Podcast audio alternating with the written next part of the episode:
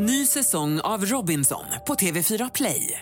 Hetta, storm, hunger. Det har hela tiden varit en kamp. Nu är det blod och tårar. Fan händer just nu. Det. Detta är inte okej. Robinson 2024, nu fucking kör vi! Streama söndag på TV4 Play. Podplay.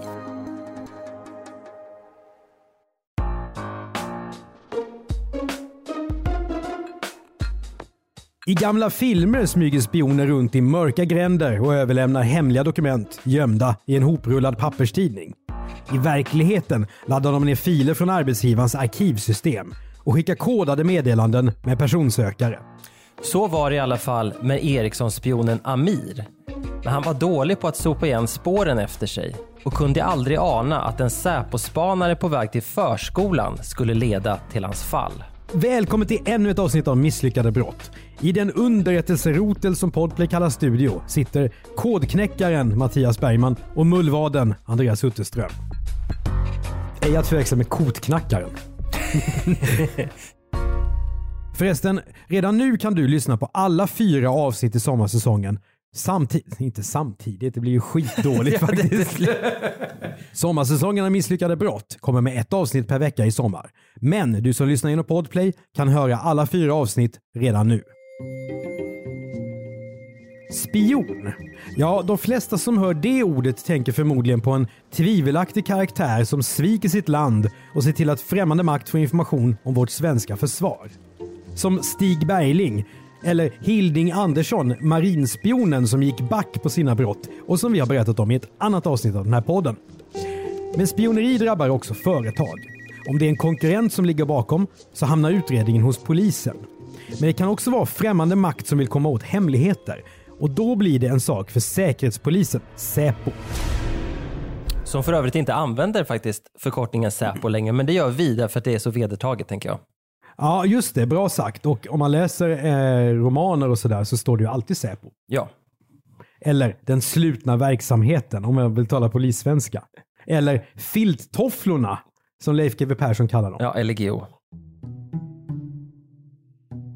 Och att ett brott blir ett fall för Säkerhetspolisen är precis vad som händer i Stockholm i början på 2000-talet. I korridorerna där Säpos kontraspionage håller till, alltså de som ska fånga agenter och spioner som snokar runt i Sverige, där är ryssarna extra intressanta. För det här är en speciell tid. Bengt Nylander, som då var rotelchef för Säpos kontraspionage, ger en spännande lägesbeskrivning i sin bok “Det som inte har berättats”. För övrigt en fantastisk titel som fler böcker borde ha. Den, Nyland, ska ja. vi säga att det finns utvecklingspotential i titeln? Nylander skriver så här om X-linjen, alltså den underrättelseverksamhet som riktar in sig på teknik och vetenskap. Turen står på vår sida. Det visar sig att chefen för X-linjen i Stockholm är en relik från KGB-tiden och kör på i gammal god stil. Han har ingen större pli på sina underrättelseofficerare. De tycker att tiden har sprungit ifrån sin gamla chef. Personalen går bakom ryggen på honom och bedriver även egna skumraskaffärer för personlig vinnings skull. Ja, för Sovjetunionen har ju fallit. Det gamla systemet är borta. Kalla kriget är historia. Och då är det som att rädslan för auktoriteter i de egna leden försvinner. Mer från den dåvarande spionjägaren Bengt Nylanders bok.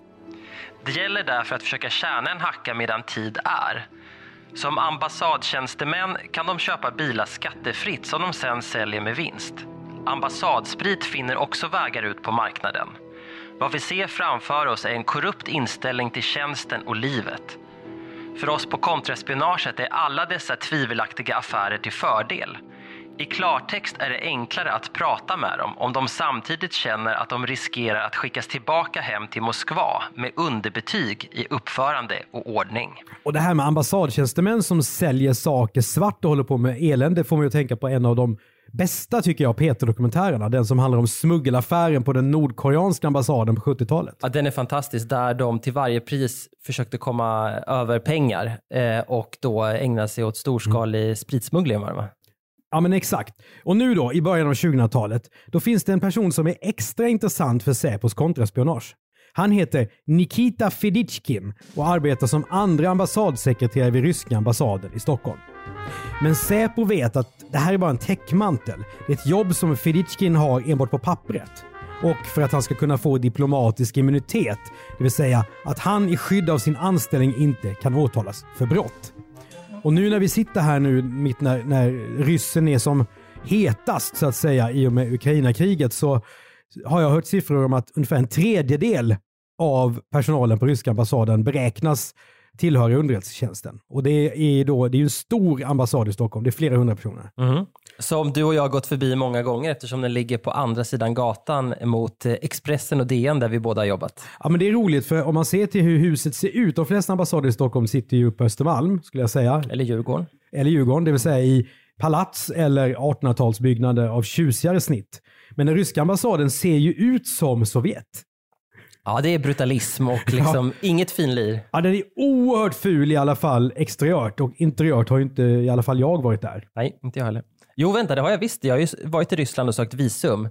Och då kan jag säga att det var eh, gammaldags betjäning med stämplar, eh, sur uppsyn och att man kunde gå före i kön när man betalade lite extra. Ja, men det är väl Så det var ju en fläkt av Sovjet. Ja, men det är väl klart. Säpo vet nu att Nikita Feditjkin har stor erfarenhet av spioneri. Och han är med största sannolikhet placerad i Stockholm med uppdrag att rekrytera och driva spioner i Sverige. Och då kanske jag ska säga att, att de vet att han har stor erfarenhet av det. Det kan till exempel vara så att amerikanerna har noterat att han håller på med liknande saker någon annanstans i världen och då tipsar man varandra helt enkelt. De här misstankarna som Säkerhetspolisen har, de stärks också av ryssens oerhört långa luncher. Det händer ofta att Feditjkin mitt på dagen lämnar den ryska ambassaden i Stockholm och återvänder först mellan 6 och 9 timmar senare. Men vänta nu, de här luncherna då, varför skulle det vara så misstänkt? En ambassadsekreterare måste väl inte alltid sitta vid skrivbordet, utan har väl rätt att ta sig en bit sill ibland? Det är visserligen sant, men Feditjkin beter sig misstänkt också på andra sätt när han är ute och far i Stockholmstrakten. Till exempel byter han ut bilens blå diplomatskyltar mot vanliga registreringsskyltar. Vilket är oerhört korkat med tanke på att han är diplomatisk immunitet så han kan köra hur fort han vill när han har de där riktiga skyltarna. Feditjkin kör planlöst runt en timme eller två för att kolla om han är övervakad. Och det gör han alldeles rätt i för Säpo har span på honom. Men det visar sig att ryssen är både rutinerad och slug. Det märks inte minst när Feditjkin åker kollektivt med Säpos spanare på diskret avstånd. Feditjkin kan stå blickstilla i en tunnelbanevagn för att sedan, precis innan dörrarna stängs, kasta sig ut mot perrongen och kliva av. Kvar står i vagnen Säpos spanare, överlistade. Samma sak händer flera gånger. Det är en klassisk katt och råtta-lek. Påminner mig väldigt mycket om de här svenska spionromanerna, typ Hamilton. Jag tror till och med det finns sådana scener där när Hamilton ska samarbeta med ryssen för att ta fiendens fiende. Kommer Ja, du ihåg den där serien? Eh, Peter Haber kutar runt i Moskva, i, har jättedålig amerikansk eh, accent på sin engelska, trots att Hamilton är specialutbildad i just USA. Däremot om Feditjkin har inspirerats av Jan Guillou, det ska vi nog hålla för tand för tunga, det vet vi ingenting om. men om man frågar Jan Guillou skulle han nog säga ja. ja, risken finns faktiskt. Men nu tillbaka till historien och Bengt Ylander beskriver nu att det inträffar något oväntat. Den 5 augusti 2002 har Säpospanaren Jan slutat sitt jobb och är på väg för att hämta barn på förskolan. Vid 16-tiden kör Jan förbi Häggviks pendeltågsstation i Sollentuna norr om Stockholm. Av en ren slump slänger han en blick mot en parkeringsplats. Och vad står då där? Jo, en grön Opel Vectra. Jan studsar till, för han känner igen registreringsnumret. Det finns nämligen nedskrivet i hans egen anteckningsbok och har högsta prioritet. Det här är nämligen Nikita Feditjkins bil. Just det. Jan ringer direkt till spaningscentralen och kontraspionageroteln. Säpo har världens chans. Bilen måste till varje pris bevakas så att man sen kan skugga Feditjkin. Och med lite tur få veta vem det är han ska träffa i smyg. Men Jans kollegor fattar först inte vikten av det hela. Kan inte Jan själv stanna kvar och sköta den här bevakningen? Men det går ju inte. För det här kan ta många timmar och Jan ska ju hämta på förskolan. Till slut lyckas han i alla fall få dit en kollega som får i uppdrag att bevaka ryssens bil. Och Jan kan göra sin plikt som ansvarsfull förälder. Även om han kanske hämtar lite senare just den här dagen. Men är inte det här underbart Mattias? Det här, är Sverige! Finns det något annat land där en spanare på säkerhetstjänsten av en ren slump då ser en bil som man har undrat var håller den här hus egentligen? och säger jag kan inte stanna här och bevaka för jag ska hämta på dagis. Eh, en amerikansk motsvarighet som hade sagt det hade ju fått sparken eh, samma dag. Ja men det är fantastiskt. Det, där, även där liknar ju den här historien hur man skulle kunna skriva i en Guillou-roman. För Guillou ska ju alltid driva med Säpo. Mm. Det är helt fantastiskt. Jag gillar det ju lite. Det är lite gulligt. Och jag tycker också det var, det var kul att den gamla Säpo-chefen eh, skrev om det här i sin bok. För det här är ju ingenting som finns i, i domen som sen faller, utan det, det här kommer från boken. Och jag blev så glad när jag hittade det här, för att det visar liksom att eh, Sverige är Sverige och alla är människor. Jag måste hämta på dagis.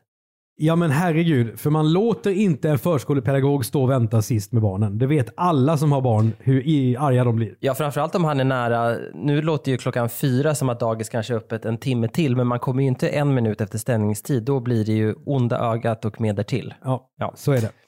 Men den här kollegan som Jan har fått i platsen, han hittar i alla fall en bra plats vid parkeringsplatsen och börjar bevaka bilen.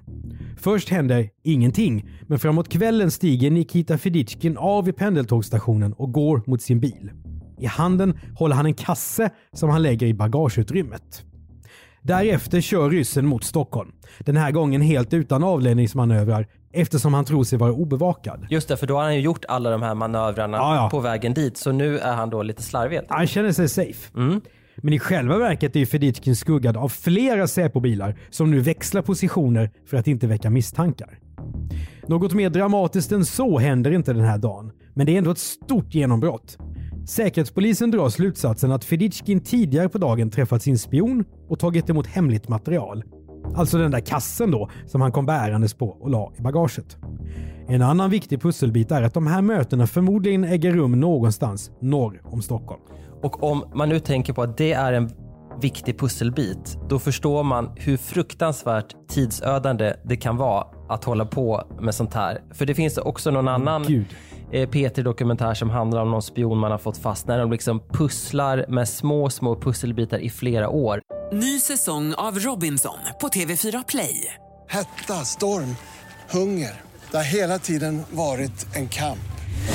Nu är det blod och tårar. Fan händer just det. Det är detta inte okej. Robinson 2024, nu fucking kör vi! Streama söndag på TV4 Play. Ett poddtips från Podplay. I podden Något Kaiko garanterar östgötarna Brutti och jag, Davva, dig en stor dos skratt.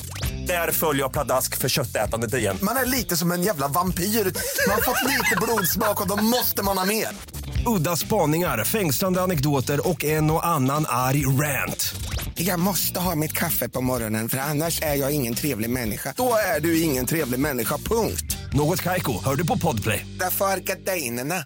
Innan de lyckas få fast rätt person. Ja, och detta då samtidigt är ju lätt att sätta sig in i när resurserna ligger där, man har budgetåret och jaha, ska vi lägga 10 000 timmar till på det här? Som kanske aldrig leder någon vart. Nej, det vet man inte. Läskigt.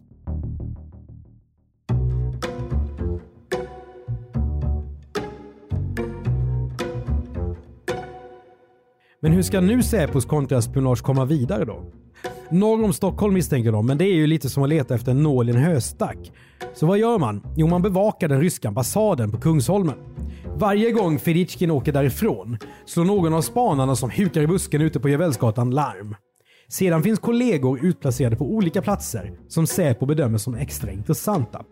Och nu märker man att Feditjkin fortsätter att röra sig norr om Stockholm. Hans bil upptäcks flera gånger vid pendeltågs och tunnelbanestationer vars linjer går i den riktningen. Ja, så ett litet myrsteg framåt. Men fortfarande då norr om Stockholm. Än så länge så är det ju inte James Bond-drama direkt. Det är det ju sällan i verkligheten. Det är ju sant. Det, däremot är det ju oerhört mycket Tinker Tailor Soldier Spy över det här. Män som sitter i stora glasögon vid konferensbord och funderar.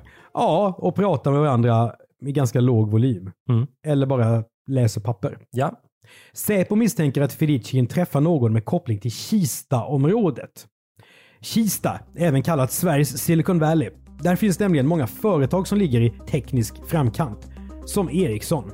Och sådana företag utvecklar massor av produkter och system som en rysk agent givetvis är intresserad av. Kan det vara så att Ryssland vill komma åt uppgifter om hur mobiltelefonin i Sverige fungerar till exempel? Det skulle också kunna handla om någonting annat. Men det händer någonting som skakar om Säpos arbete. Fidichkin lämnar Sverige och en ny person, Sergej Galovkin, får en tjänst vid den ryska ambassaden. Men Säpo vet att den här mannen egentligen jobbar för Rysslands säkerhets och underrättelsetjänst SVR. Tidigare har han arbetat i Indien och Pakistan.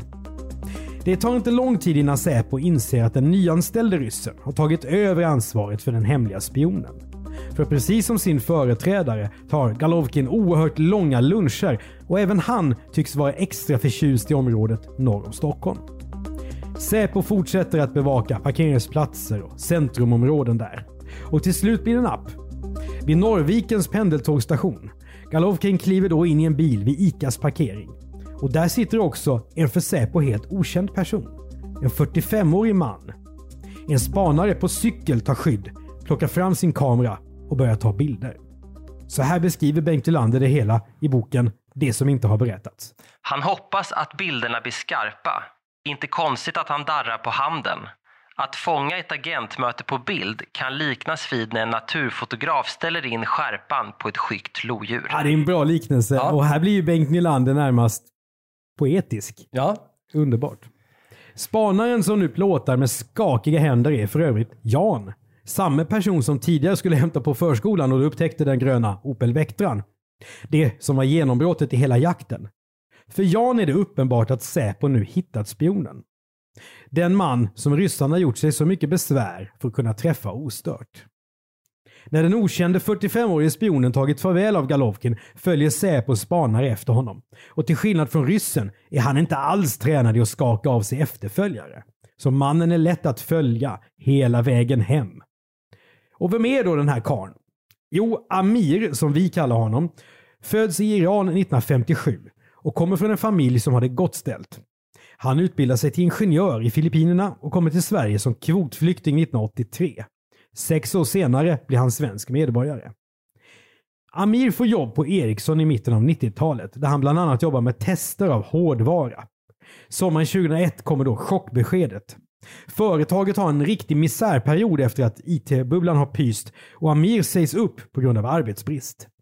Då placeras han på Ericssons framtidsforum som ska hjälpa honom att söka ett nytt jobb. I 12 månader har han då kvar sin arbetsdator med tillgång till Ericssons intranät. Men att hitta ett nytt jobb visar sig svårt. Amir funderar istället på att starta eget.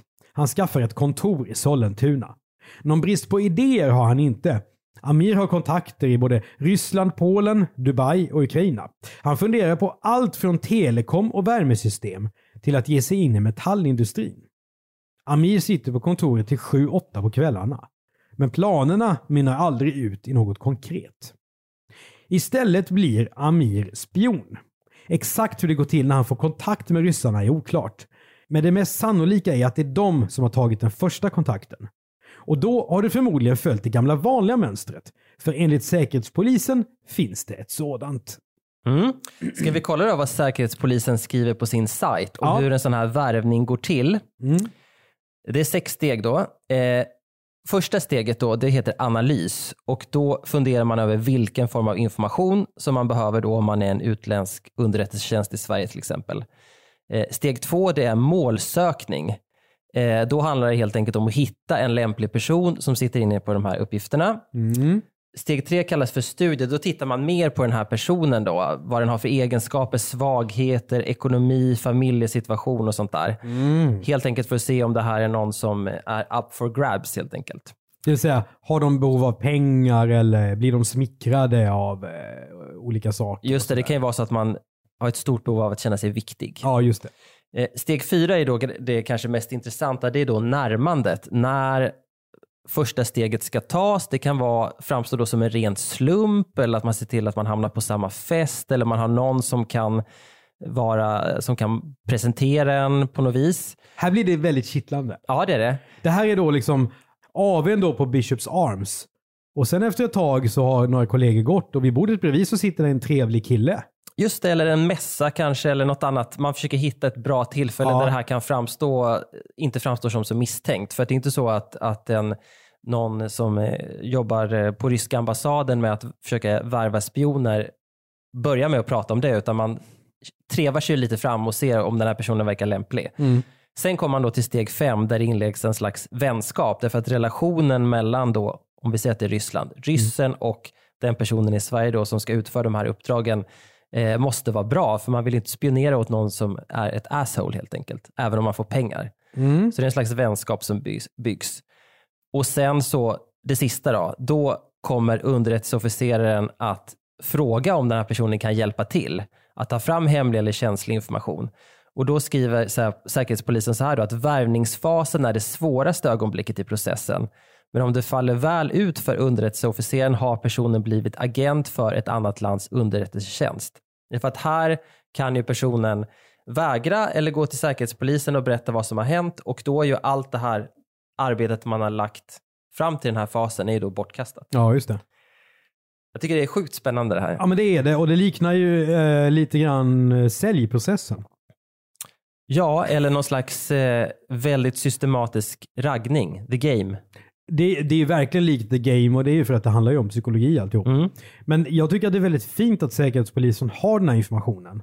Och jag vet att det har ju varit i perioder så att, att Säkerhetspolisen har varit så hemlig så att de har missat viktiga tips på grund av att de inte har kunnat nås. Jag minns att i Wennerström-affären, en av våra värsta spioner antagligen, Stig Wennerström på 60-talet, så hade ju hans hushållerska, som sedan blev extremt viktig i utredningen, misstänkt att det var något lurt med karn. Mm.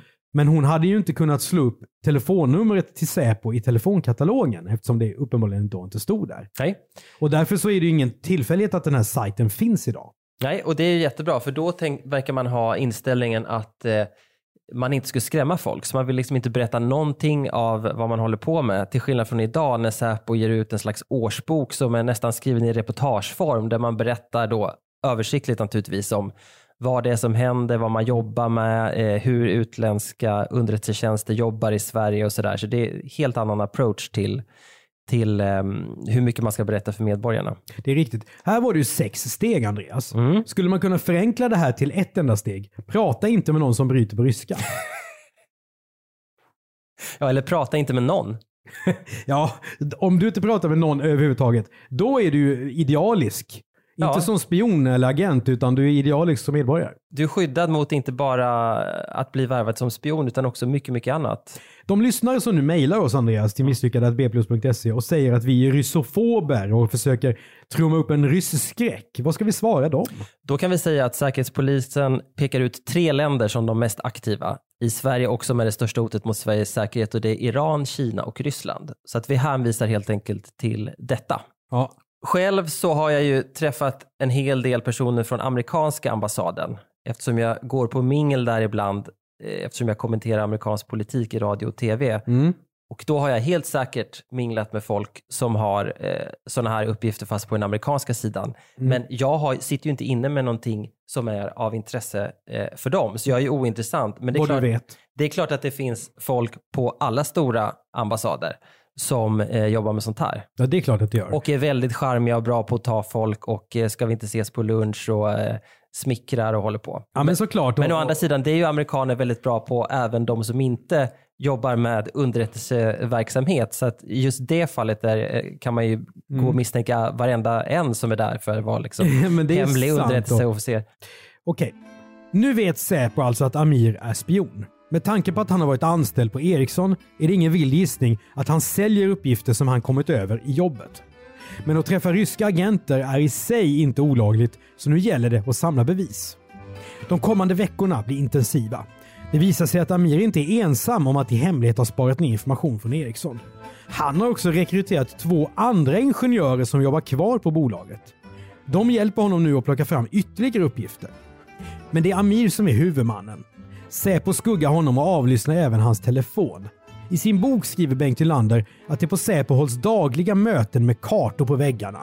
Där finns också foton på Amir vid bostaden, på kontoret och när han träffar sin kontakt Galovkin på olika platser. Och här är det Tinker Tailor Soldier Spy igen. A big time. Stämningen mellan Amir och ryssen är uppenbart hjärtlig. De kramas till och med när de träffas. Under Säpos interna genomgångar spelas också videofilmer från de hemliga mötena upp. Så att spanarna ska lära känna både Amirs och Galovkins rörelsemönster. Och här är de ju helt korkade. Att de, varför kramas? Alltså vad... De gör ju... Alltså tänk hur svårt det är att nita en spion i Stockholm. Men samtidigt så bygger ju, om man nu ska tro de här stegen, Mm. det bygger ju på vänskap. Och om de nu gör en massa avledningsmanövrar innan de träffas och ryssen verkligen vill trumma in det här att vi är kompisar, då är det väl inte så konstigt att de kramas. Ja, det kanske säger mer om min syn på män som kramar män. Ja, den är ju värd en egen podd. den synen, ja, Ja. Det, det kanske den är. Ja. Mattias, den enda svensken som tyckte corona var skönt för ingen kunde kramas. Ja, jag var nog inte helt ensam om det. Men, eh, ja. När det drar ihop sig till det hemliga mötet finns spanare längs hela perrongen. Ibland, skriver Bengt Nylander, får familjemedlemmar följa med vid sådana här tillfällen och agera statister. Detta för att spanarna lättare ska smälta in. Men den här gången får familjemedlemmarna stanna hemma. Någon har däremot med sig hundar och låtsas vara ute och rasta dem. Gud vad fint att man har statisthundar. Ja, och familjemedlemmar, så går man där liksom står och hånglar på perrongen för att, folk, för att man liksom ska smälta in. Det har jag aldrig tänkt på. Det är jätteintressant. Ja. Det är ju verkligen film i sig. Tänk att vara statisthunden. ja, hur som helst. Nu är både Amir och Galovkin på plats. Tillsammans går de mot en bil i närheten av pendeltågstationen. I sin bok skriver Nylander att gripandet går odramatiskt till. Men under den senare rättegången i Stockholms tingsrätt ger en person som på grund av sekretessen bara kallas för RPS 1095 en annan bild. RPS 1095 berättar att gripandet på grund av en bedömd hotbild görs med dragna vapen. Vi får alltså aldrig veta exakt hur det går till. Nej. Amir beläggs med handbojor. Han verkar varken chockad eller bedrövad. Mest förvånad. I samband med visitationen visade det sig att Amir har med sig en CD-skiva som ska överlämnas till ryssen. Liksom en plastpåse med material och en personsökare som används för att skicka kodade meddelanden om mötesplatser. Ja, det här och här var- får vi nästan förklara vad en personsökare var för någonting. Ja, det här är ju innan krypterade appar. Och Eh, för i mobiler också. liten ehm, dosa med ett litet fönster Mm. där den som ringdes telefonnummer syntes så man kunde ringa tillbaka. Ja men exakt, man kunde ju knappa in va? Ja, för man kunde liksom inte skicka meddelanden till Ja men det tror jag. Eh, Det kom sen i en uppdatering kunde man skicka bokstäver också. Just det. Ja. Och eh, ja, vad var den? Som en tändsticksask, lite större Ja. helt enkelt. Och det typiska var ju att den här fungerade som, ja men man fick numret på den som hade ringt och skulle man ringa upp den från en telefonkiosk då. Men här skickade då Amir istället koder då. Känns som att det är 100 år sedan, inte som att det är eh, 20 år sedan. Mm. Men vi är inte så unga längre heller. Nej, det är vi inte. Sergej Galovkin gör inget motstånd. Han har heller inget emot att bli visiterad. Ryssen verkar precis som Amir mest överrumplad. I en av ryssens fickor hittas ett papper där han har antecknat tider för avgångar med pendeltåg och tunnelbana. Han har också med sig 4 000 dollar i ovikta sedlar. Det är ju misstänkt. Mm. Men det kanske mest spännande är att Galovkin bär med sig ett papper som innehåller en lista på olika mänskliga egenskaper. Det står bland annat om personlighet och önskan att tjäna pengar. Säpos slutsats att det här är vad Amir ska leta efter hos andra personer som han ska försöka rekrytera som spioner. Det är en slags checklista alltså. Eller bruksanvisning. Ja, är inte det underbart att ryssen ger honom då en lista, det är det här du ska leta efter? Ja, det är magiskt. Eh, på den tiden fanns ju inte Säkerhetspolisens sajt, men de kunde ju gått in på den istället då. Ja, muntliga instruktioner skulle man också kunna tänka sig, men här är Ja. då, eh, det är papper som gäller. Ja. Men vad säger då Galovkin själv om allt det här? Jo, bara att han har diplomatisk immunitet eftersom han rent formellt är anställd vid ambassaden. Det här kontrolleras med UD och visar sig stämma. Säpo erbjuder Galovkin skjuts från platsen, men han tackar nej och försvinner iväg. Senare förklaras han också persona non grata och lämnar Sverige. Han blir alltså utkastad av utrikesdepartementet. Och det är så man gör i de här fallen. Ja, och då brukar det andra landet hämnas genom att eh, skicka hem en svensk. Ja, ungefär så. Ja. Och det är så, det är så spelet är. Jajamän. Men Galovkin har ju mycket mindre att förlora här än Amir. Men jag funderar på, när han kommer tillbaka till Moskva då, han Ja. har ju då åkt fast, Mm. eh, men han har ju samtidigt då hunnit träffa Amir ett antal gånger och få material av honom. Så är han då, får han en utskällning eller får han en medalj tror du när han kommer hem? Jag tror snarare medalj. Därför det här är ett ganska tufft jobb som de har. Och ryssen, alltså Kreml, vet ju att ibland åker de dit. Mm. Jag tror inte alls att det här är så farligt för honom. Nej, han, snart är han i något annat land och gör samma sak. Ja, men exakt så. Kort efter gripandet görs husrannsakan hemma hos Amir och där blir det fullträff. Datafiler, anteckningar och allt annat mellan himmel och jord hittas. Amir förhörs gång på gång men nekar i sten. Han menar att han inte förstått att de två ryssar han träffat var underrättsofficerare, utan att de diskuterat kommande affärsprojekt. Men all intern information från Ericsson då? Ja, säger Amir, det handlar om att han ville bygga upp en kunskapsbank. Och så länge informationen inte sprids vidare tycker han att det är helt okej. Okay. Amir menar att det är vanligt att information sprids i branschen. Så det här är allt annat än företagsspioneri. Jag tror att Ericssons HR-avdelning skulle tycka någonting annat om det. Eh, det finns en del vittnen från Ericsson eh, i den här eh, rättsprocessen som vittnar i domstol och de håller inte riktigt med om det här Nej. kan man säga. Inte heller utredarna tror på Amir. För det är inte bara spaningarna, telefonavlyssningen och allt beslagtaget material som talar emot honom. Det gör också hans privatekonomi. Åren 2000 till 2002 har Amir en nettolön eller ersättning från a-kassa på omkring 13 000 kronor i månaden. När lån och boende är betalt har han cirka 7 000 spänn kvar att leva på. Eftersom han lever ensam har hushållet inga andra inkomster. Eller, jo det verkar det faktiskt ha för att under samma period som Amir har 7000 i månaden kvar att leva på har han gjort insättningar till banken på omkring 880 000 kronor. Hur går det ihop? Var har de pengarna kommit ifrån? Det har Amir inget bra svar på. Han har svar men de är svävande och det är släktingar och det ena med det tredje men det är ju ingenting som eh, bär sannolikhetens prägel som domstolarna brukar skriva. Utredningen mot Amir är stor och tidsödande. Bara det material som utgör kärnan i spioneriet är 2700 dokument. Det betyder 45 till 50 000 A4-sidor. Allt det här finns lagrat i Amirs dator under mappen All Document Delivered.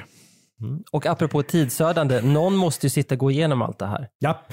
Och varenda sida och dessutom då stämma av med Ericsson vad det här är för att kunna bedöma hur allvarligt det är så att åklagaren vet hur åtalet ska formuleras. Mm. Det här måste någon göra. Det här kan ingen AI-tjänst göra varken då eller nu. Ytterligare ett bevis på att det finns en massa hjältar på polisen och på Säpo som gör ett fruktansvärt hästjobb Mm. som ingen tänker på.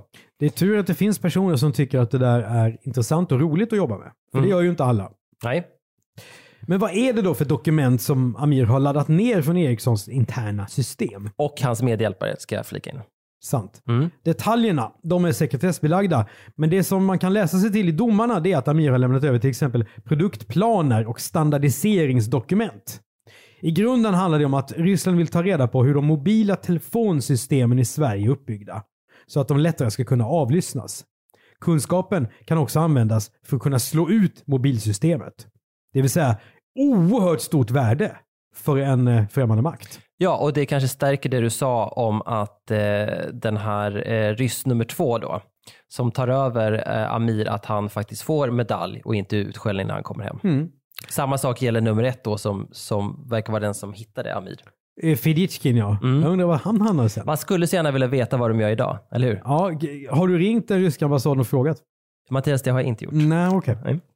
Under rättegången i Stockholms tingsrätt fortsätter Amir att neka. Men det hjälper inte. I juni 2003 döms han till åtta års fängelse för grovt spioneri. Amirs ena medhjälpare får tre års fängelse för medhjälp till företagsspioneri. Och den andra får ett år för samma brott. Men domarna överklagas. I oktober 2003 är det dags för Svea hovrätt att säga sitt. Och det går inte Amirs väg där heller. Domen mot honom på åtta års fängelse står fast. Däremot skärps straffet för hans ena medhjälpare till fyra års fängelse. Den tredje personen frikänns däremot. Medierna rapporterar mycket om Amir och hans spioneri vid den här tiden. Och en som skriver brev och ber honom om en intervju från fängelset, det är den dåvarande frilansjournalisten Andreas Utterström. Jajamän, jag frilansade då för Aftonbladet Söndag och tyckte det här var så spännande och det här tänkte jag skriva om så jag beställde domarna, skrev brev till Amir som då i verkligheten heter något annat och fick ett handskrivet brev till svar. Eh, han ville ställa upp på intervju, han sa att han var oskyldig. I övrigt kommer jag inte ihåg vad han skrev men det blev ingenting av det här och jag minns inte varför.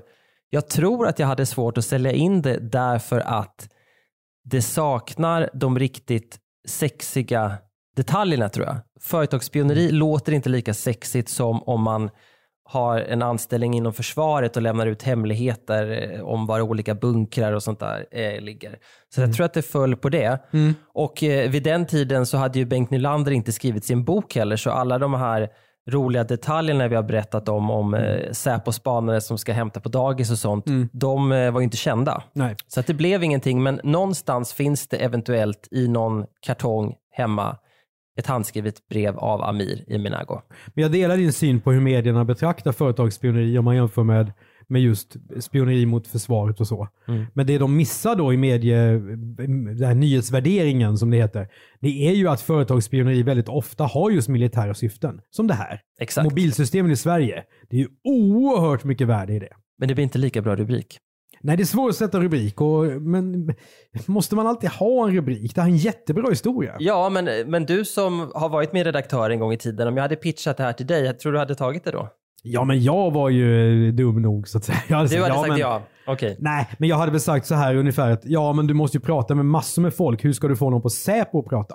Ska vi gå bara på Amirs uppgifter? Det hade ju inte hänt. Mm. Nej, det hade ju inte gått. Nej. Domarna fanns ju och förundersökningar, men det är ju i både dom och domar ska jag säga och förundersökningar så är ju en hel del sekretessbelagt så att man kommer inte få veta allt. Men det hade varit kul och, eller kul, det hade varit spännande att träffa Amir. Eh, nu blev det inte så.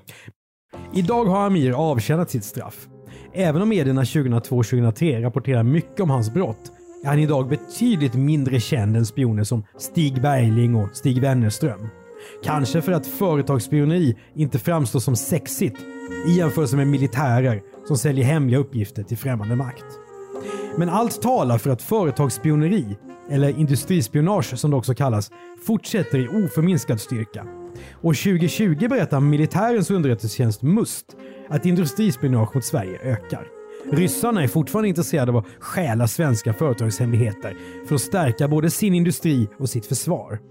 Det görs, skriver Säpo, genom ständiga försök att hitta och utnyttja sårbarheter.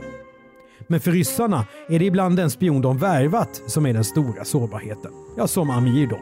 Ingenjören som blev spion, men aldrig insåg att han skuggades av Säpo. Och som inte hade förmågan att sopa igen spåren efter sig, utan istället blev en misslyckad brottsling som hamnade i fängelse. Du som lyssnar på Misslyckade Bort i Podplay, du kan lyssna på alla fyra avsnitten i sommarsäsongen redan nu. I nästa avsnitt av Misslyckade brott, om när Ulf Lundell, målaren, musikern och den ständigt arge, blev så arg på Bonnierförlagen att han drog dem inför rätta. Du har hört ett avsnitt av Misslyckade brott av Mattias Bergman och Andreas Utterström. Exekutiv producent av podden är Jonas Lindskov. Tipsa oss om fall som vi borde prata om i Misslyckade brott till misslyckade bplus.se. Prenumerera gärna på podden och betygsätt den i din poddspelare så är det fler som hittar till den. Du som lyssnar på Podplay, du får ut alla avsnitt av säsong 10 samtidigt, så du har mer att gotta dig åt. I vanliga fall driver jag commercial content som jobbar med företagspoddar. Tillsammans med Mattias gör jag för Podplay bland annat dokumentären Jag var där. Lyssna gärna. Podplay, en del av.